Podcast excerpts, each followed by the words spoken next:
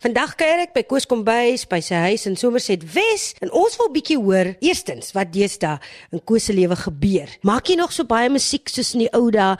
Gaan jy nog na so baie gigs toe of is jy deesdae meer van 'n gesinsman? Ek is nog al 'n gesinsman. Dit is baie lekker. Ek het laat begin en ek is so bly ek het die moed gehad om daarmee te begin. Dis harde werk. Ja, ja, ek is net bly ek hoef nie meer doeke om te ry nie. Daai is nou verby. Maar my kinders is nou teenagers en dit, dit bring ook 'n ander soort stres. Ek moet heeltyd worry, gaan hulle soos ek raak of nie? Wat van optredes en probeer jy nou 'n bietjie afskaal? Hulle sê mos as sekere sangers op 'n sekere ouderdom kom, nie dat ek iets sê van jou ouderdom nie, dan voel hulle, maar weet jy wat, ons het nou soveel musiek gemaak en daar opgetree en hier en hier en hier en ons wil nou net 'n bietjie afskaal. Is jy op daai boot nou? Ek wou ek moes noodgewonge uh, my shows 'n bietjie minder maak want ek het 'n vingerbesering. My hond het, het met sy leiband my vinger skeef getrek en die my dokter kan dit nie regkry nie. so ek ek kan nie meer 5 shows in 'n ry doen nie. Ek moet nou met ander vingers gitaar speel in plaas van daai een. So dan begin die ander vingers bloei want hulle is nie gewoond nie. So ek ek moes 'n bietjie afskaal. Ter so jaar terug wou ek heeltemal ophou liedjies skryf want ek het nou gedink ek ken, ek ken nog steeds net daai paar akkoorde. Die ander akkoorde wat ek nou geleer het, weet ek weet hoe om te speel, maar kan nie daai mee saam sing nie. Dit is te complicated. Dit klink soos jazz. Toe dog ek, oh, wonderlik, ek gaan nou net boeke skryf en ek bel my producer en ek sê skalk ek gaan ophou liedjies skryf. En ek sê vir my vrou, ek het nou besluit ek gaan nie meer liedjies skryf nie. Sy sê ag, dis wonderlik. Hou net daarby want jy het al van tevore gesê. Toe een aand is daar 'n vol maand te begin ek weer liedjies skryf. Nou sit ek met die weird situasie. Ek het nog weer oor genoeg liedjies vir 'n nuwe album. Hoe sou jy sê het jou klank saam met jou gegroei? Sou jy sê dat dit vreeslik anders is? Dink jy nou anders oor dinge? Sommige tye skryf mens oor wat jy ervaar op daai tydstip. Jy is nou baie rustig. Ons sit nou hier in jou dogter se speelkamer soos jy dit noem. Al hierdie helder kleure. Al hierdie fantastiese helder kleure, dit moet inspirasie wees vir jou, maar dit moet jou ook in 'n absolute fantastiese bui sit. So hoe sou jy sê het jy dan verander of jou styl verander indien wel? Ek het ek het soos ek sê, ek het op daai stadium toe ek wou ophou liedjies skryf, ek het ek het nie eens meer series geluister in my kar nie. Ek was oor dit. Ek dink ek is nou ou mooi groot mense. Wie wil nou nog aangaan met daai goed? en nou ek het nuwe invloede ontdek van heel verskillende plekke. My my seun het begin luister na klassieke musiek, Tchaikovsky. En dan speel hy dit in top volume as ek en hy iewers heen ry. En dit het my kop oopgemaak en my laat besef musiek is mooi en daar's ander soorte musiek buite my eie comfort zone. En nou luister ek dit graag. My my dogter baie lief vir musiek, maar sy het Miley Cyrus geluister wat ook is okay, jy weet. Ek, ek hou nie van die girls wat tong nie, maar ek hou van haar liedjies. En nou die laaste paar maande het sy op 'n trip gegaan. Sy luister net 60s rock and roll. En sy's 13 jaar oud. Ons het vanoggend van die dorp af teruggery, Abbey Road, die Beatles.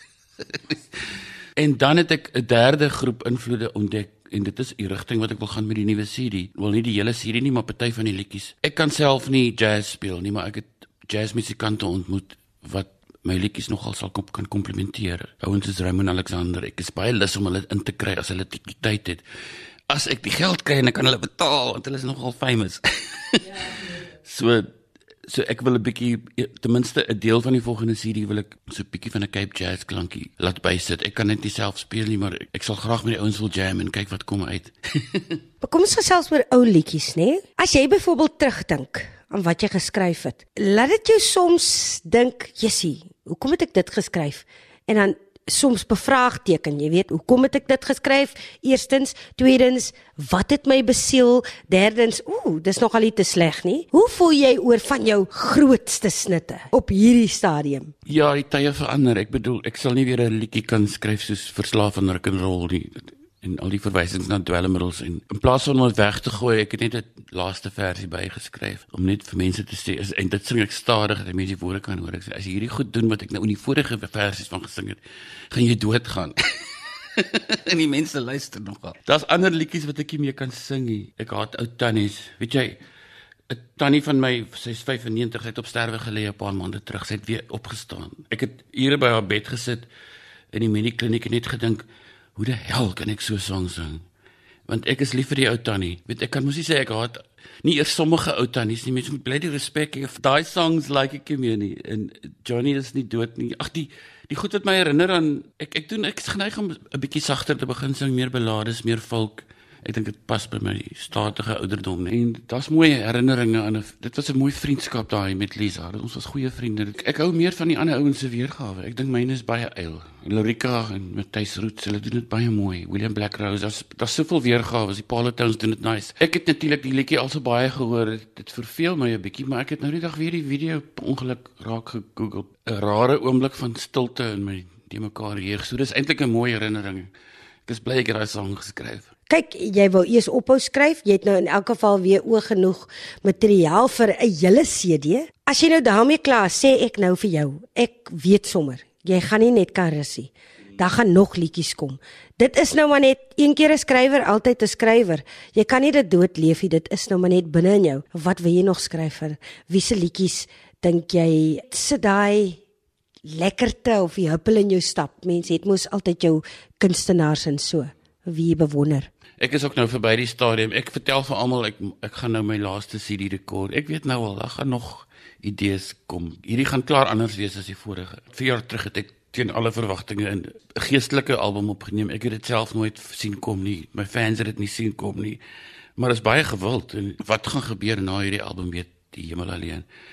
Ek ek moet sê ek ek is eintlik meer omdat ek ouer word en ek gaan waarskynlik al hoe meer begin afskaal op toere, is ek baie ek skryf baie prosa en ek skryf nog rubrieke. So ek dink my eintlike sterkpunt is nie noodwendig die note en die musiek nie, maar dis maar die enige iets wat met die woorde te doen het. Ek skryf baie goed. Ek ek dis 'n stokperdjie, dis 'n liefde. Ek kan nie ophou skryf nie. Ek is kompulsief. Die stories kom heeltyd uit. Ek het nou 'n kinderboek klaar gemaak met die naam Monster Goggas.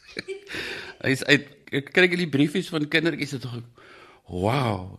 En ek dan of jy gaan na 'n boek teken sê sy en en dan dink jy is dit nie wonderlik om te sit voor 'n klomp mense wat nie dronk is nie want hulle is 10 jaar oud en hulle wil my handtekeninge en ek wow dis lekker ek I like this ja. Ek sou sê jy het bietjie sagter geword. As ek nou met jou praat en ek onthou sekere onderhoude voorheen met jou, was jy ietwat anders. Ek dink jy's nou verskriklik soos die Engelsman sê laid back. Ek dink jy's baie rustig en ek dink ook ja, dis seker wat jou skryfstyl verander. Maar nou waarna kan ons uitsien op hierdie album wat nou nog moet vrygestel word? Daar's 'n paar liedjies wat ek self regtig van hou en dit is dalk 'n gevaarlike teken. Want ek onthou wat laas gebeur het toe ek gedink het ek hou van iets, maar ek sien vreeslik uit na die ateljee proses en die musikante. Die ons het 'n werkstitel vir die album, sy naam is voorlopig Wel ek moes eers vanoggend vir David Kramer 'n e-mail stuur om te hoor of dit oukei okay is met hom. Ek wil dit noem uh, langpad na lekker sing. Maar dit is mos nou 'n literêre verwysing na 'n liedjie van hom met die naam Matchbox Full of Diamonds waar hy sing oor die dorpie lekker sing daar bo in die Noord-Kaap, 'n klein plekkie. Ek was self nog nie daar nie, maar dit is net so lekker woord en dit is vir my simbool simbolies van so baie metafore in my kop. Ek sien vreeslik uit na die proses. Ek kan nie wag om die geld bymekaar te kry en die ouens sê kom, ek ons kan nou studio toe gaan. Ek het die studio gister gebel en gesê as jy reg vir my, maak 'n potlood afspraak, ek kom. ek sien baie uit daarna. Voordat ek jou gou gaan vra om so ietsie vir my te speel, so lusmakertjie van wat op die CD te wagte kan wees. Die hedendaagse sangers, nê, die jong sangers van vandag, Afrikaanse sangers.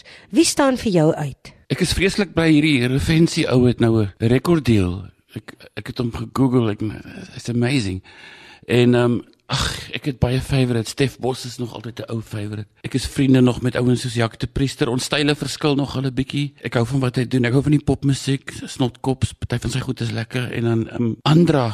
Ag, ek wens sy was meer. Ek wens sy was wêreldberoemd. Sy's nie sy sing nie eintlik Afrikaans nie, maar sy's 'n plaaslike sangeres van Swakopmund. Awesome. Ek sien jou gitaar staan nou hier. Uh moenie net dink ek is voorbarig nie. Maar wat van so so ietsie wat jy vir ons kan speel wat op die nuwe album is? Wat is die naam? Ek dink dit gaan wees 'n liedjie met die naam Blou Maan. Dis die liedjie wat ek daai aand geskryf het toe ek stilletjies weer begin liedjies skryf het. Ek het op die stoep gesit en ek het die, daar was 'n supermaan in die lug en hy was blou. Wel hy was nie regtig blou nie, maar die koerant het gesê daar gaan die aand 'n blue moon wees. Met ander woorde die tweede volmaan in die maand en dit was toevallig 'n supermaan. Toe sit ek op die stoep en ek, ek kyk na die maan en ek kry so gekruweling en ek dog, "O oh, nee, hier gaan ons al weer te weet." Ek is verby. Ek gaan nog 'n klomp liedjies skryf. Ek gaan slypkamer toe, stilletjies, my vrou mag nie weet ek gaan haar gitaar. Toe skryf ek 'n song. Ek gaan nou vir jou die die song speel. Ek hoop hy kom reg uit.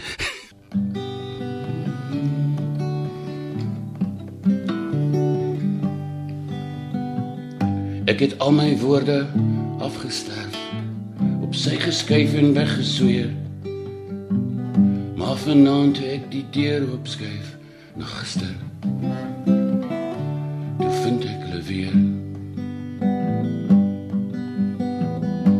Ek wou nie meer daai liedjies hoor. Ek het lankal al die tunes verloor. Maar iewers in die stilte, na 'n week van reën en wind, moet ek my hart weer vashou want hy huil net soos 'n kind. Blou maan. As ek jou net kan verstaan. As jy net vir my wou sê wat vanaand hier met my aangaan. Blou maan. Ek het my eerste naam al lank vergeet en in 'n ander land gaan woon. Daar was niks meer wat my ooit sou roep terug na die kring van bitterhoon. Ek het die volk op sy geskuif, die dolk gedryf, die laar verlaat. Maar vanaand skyn daar die lig ouds weer bleek en bitsig oor my straat. Blou maan, as ek jou net kan verstaan. As jy net my wou sê wat vanaand hier met my aan